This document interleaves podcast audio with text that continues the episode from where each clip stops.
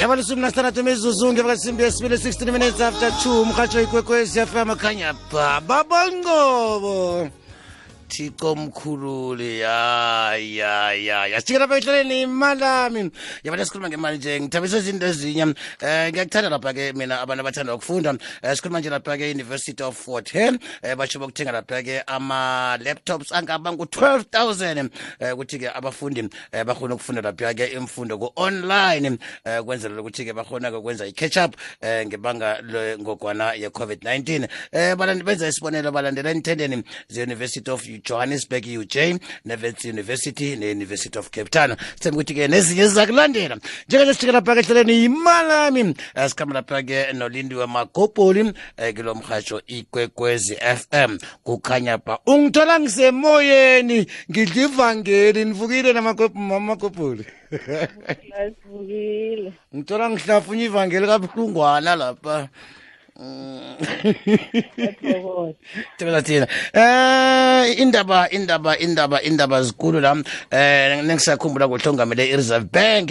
Eh lapha ke umhlonitsha uliseja Khanyago ohlise lapha ke imali inzalo eh, ngesikhathi esi iSouth Africa eh, icalene nomraro wengogwana yecorona. Eh umabhubhisa eh, isitha esingabona galiko akhe sikhulume lapha ke ngomsebenzi nje owenziwa iReserve Bank ngaphambi kokuthi sirakele phambili. Eh sithokoze mavusana em i-Reserve Bank singakhumbula ukuthi ibhanka enkulu engamele wonke amabhanka eSouth Africa eh umsebenzi wayo opheceleza singathi i-mandate yabo ukwenza i-inflation targeting eh kusho ukuthi lokho kusho ukuthi balawula intengomali yemali esithenga ngayo ukudla kwemhleni um i think ngithi nasithenga ukudla kwemhleni ama-price wakhona ayakhuphuka. Kusho ukuthi nangeke lokho kungalawuleki kungake kufike lapha ukudla kungasakhona ukuthengeka khona into njalo so imandate yabo kwanje ukuthi benze inflation targeting ukuthi balawule imali imali le. Eh, okukhona ukuthi okhunye i-reserve ilawula ihlelo lokukhontrola imali ngaphasela Africa ukuze bavikele i-currency yethu irand. Um inhlelo lelo silibiza ukuthi i-monetary policy sokutsho ukuthi baqala umnotho and then kube namahlelo abawafakako ekuthini ukuze balawule njengoba kwenzekile nje eh ngendaba corona ukuthi kube nesimo esingakajayeleki emhlabeni wonke eh ukuze therefore benza ukuthi bathisa ama-interest ukuze balawule umnotho lo um ngendlela efanelekileyo ngiyakuzwa. Alo thina-ke eh, kusithinda ngani um simaselo afrika? Kodwa-ke um ungakangiphenduli ukuthi-ke ukwehlisa kwemali nzalo lokhu um kusithinda ngani thina simaselo afrika? Njengabathengi ngiba ukuthi ungibambele kancane. Khe ngakuthengisa ngiza kubuya kuwe. Kukhanya sirakashika phambili emasumi amabili nanye mizuzu ngeva kasimbinge yesibili 21 minutes after 2 umrhatsho ikwekwezi fm eh sikhamba lapha-ke no woma ulindikwa kwamakopoli eh lihlelo siditshile eh simomethe nanda ihlelo yimalami. Eh sikhuluma lapha-ke nge-repo rate eh ukuthi-ke khane ngayitsho ukuthini-ke eh ekithi simaselo afrika eh njengoba bayehlisile nje ukhona emtatweni uma ulindiwe makopoli. Vusla Mhm. Eh ngigcina ke kubuza umbuzo. ya. Vusla asehlekilele so mavusana um i-repo rate um ngile i-reserve bank ebore- eboleka- ebolekisa ngayo imali emabhankeni akhona lawo eSouth Africa siwabiza ukuthi ma-commercial banks sengitsho lawa ajwayelekileko abo-standard bank aba F N B njalo njalo. Eh eh kwakhona eh i-repo rate le iyaqalwa cobe ikota cobe enyangeni bathu bayaqala ukuthi ijamephi eh nokuthi ingabangayilawula njani. Um bese ukuthi kungabakho kungakwenzeka lokho eh kuba ne-prime rate. I-prime rate ngile ibhanka ekuchaja yona la ikuboleka imali yayibona so i-repo rate iberekiswa i-reserve bank i-prime rate ngiyama-commercial banks so i- i-prime rate i-prime rate izokuhluka kune-repo rate. Angithe ngithi i-repo rate kwanje ijame ku-four point two Mhm. percent and then i-repo rate kwanje eh ijame ku-eight point seven five percent. So umehluko lapho i-profit eyenziwa mabhanka. Um ngoba nababolekisa imali bakubolekisa ku-eight point seven five percent. Bona bayiboleke ku-four point five percent. Kuyangizwisisa mos Mm. kuthini-ke wena-ke kuwe? Eh nawumthengi kusho ukuthi naw unemali ebolekileko nofana iloli nofana ibondi kokhona mavusana ukhathe kwe-prime rate akhe ngithi kwe-repo rate kunomthelela omkhulu emalini eboleke na uthenga indlu.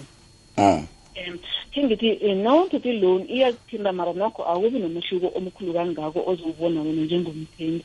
Kodwa nawuthenge indlu kuba nomehluko omkhulu ngombana indlu uyibhadela for isikhathi eside.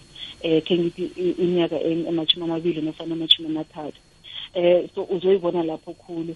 Then kuba nokuthi na uthatha isikoloto leso ibhanka ibe nokuthi eh ibuze umbuzo ukuthi ufuna i-fixed noma ufuna i-variable interest rate?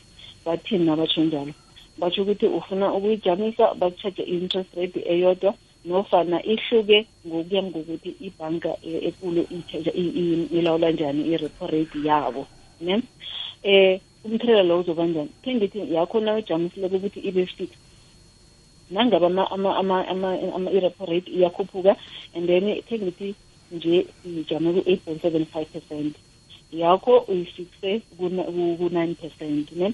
Kutsho ukuthi um ibhanka iyo-charge nine percent um ikhibe kade bango-charge eight point seven five percent uyayibona? Um kusho ukuthi kuyokuzuza ibhanka lapho. Uyayibona? Nayehla ngaphasi ifixe ku-nine percent ibe ku and then bese iyehle ibe eight point seven five percent. Kuzokuzuza wena umthengi ngombana um ubhadela lesser than le ebachaja yona. Kusho ukuthi imali leyo iyokuya um iyakwenza ukuthi isikweletu sakho sibhadeleke sibhadeleke msinya kunalokha um thana kade ingaphezulu. Kanti mama gopola khe ngibuzela usakhuluma ngamaphesente njalo? Nevane batsheja um bacala laphiwa-ke um ukwehlisa kwayo laphiwa-ke imali nzalo le. Vane batsheje yini kokuthoma? Um nakusangatsheje into eziningi emnothweni njengama njenge um ngithi i-inflation rate i-inflation rate ijamile um kushejwe ukuthi um i-economy ijame njani um izinto njengama-g d p.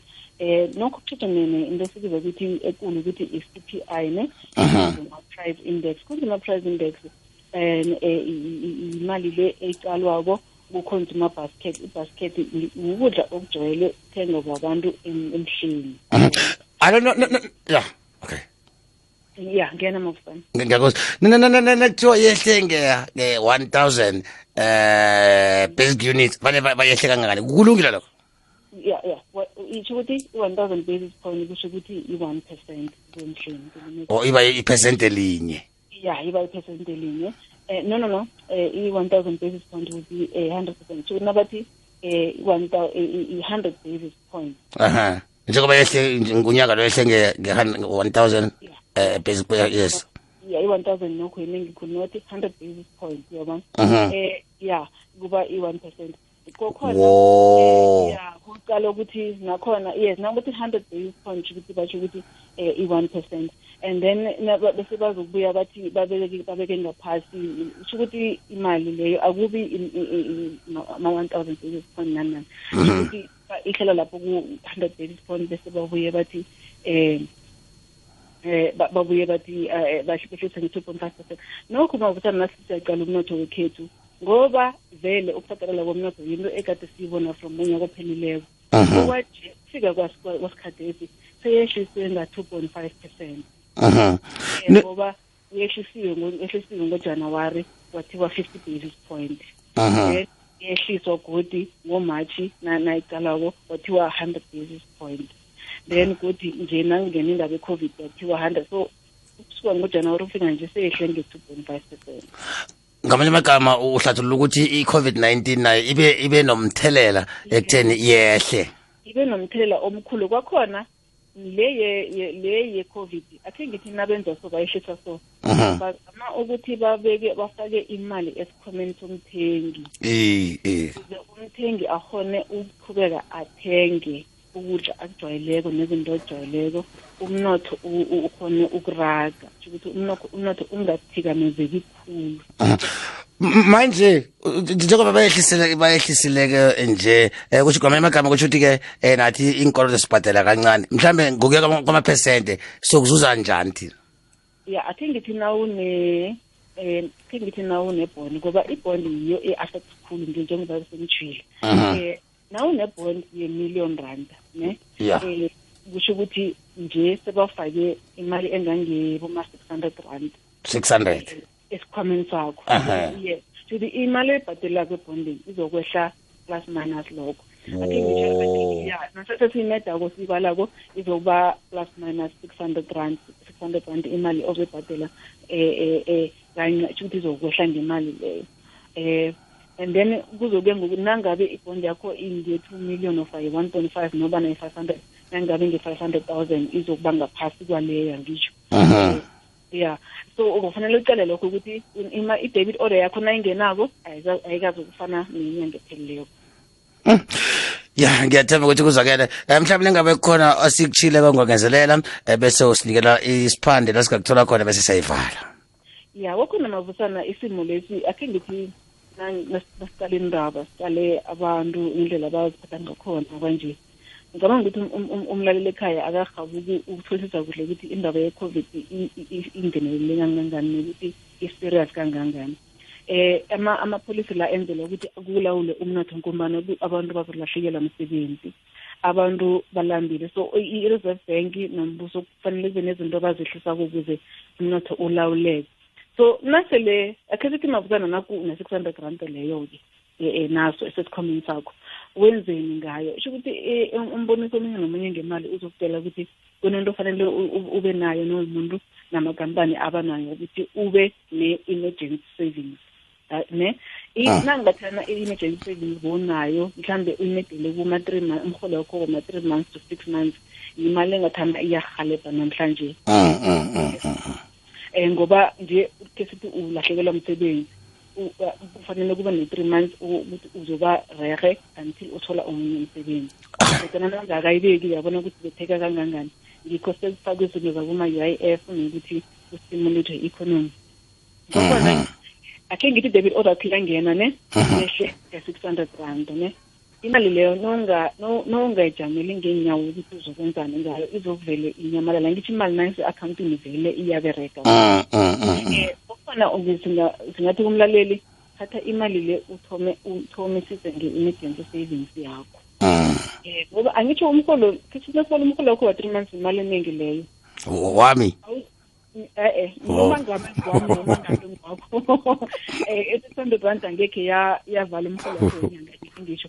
Angisho sengithi uyayithoma ukuthi uzijwayeze isikopili lokuthi us- ubeke imali. Ngiyazi ukuthi nje ngekhe kube kwenza umehluko omkhulu kwanje. Kodwana Ma- ma- malindi eh asidlulisa uthemba bese nesibuya lapha-ke usinikele isiphande la singakuthola khona. Um ungibambele kancane ngisho.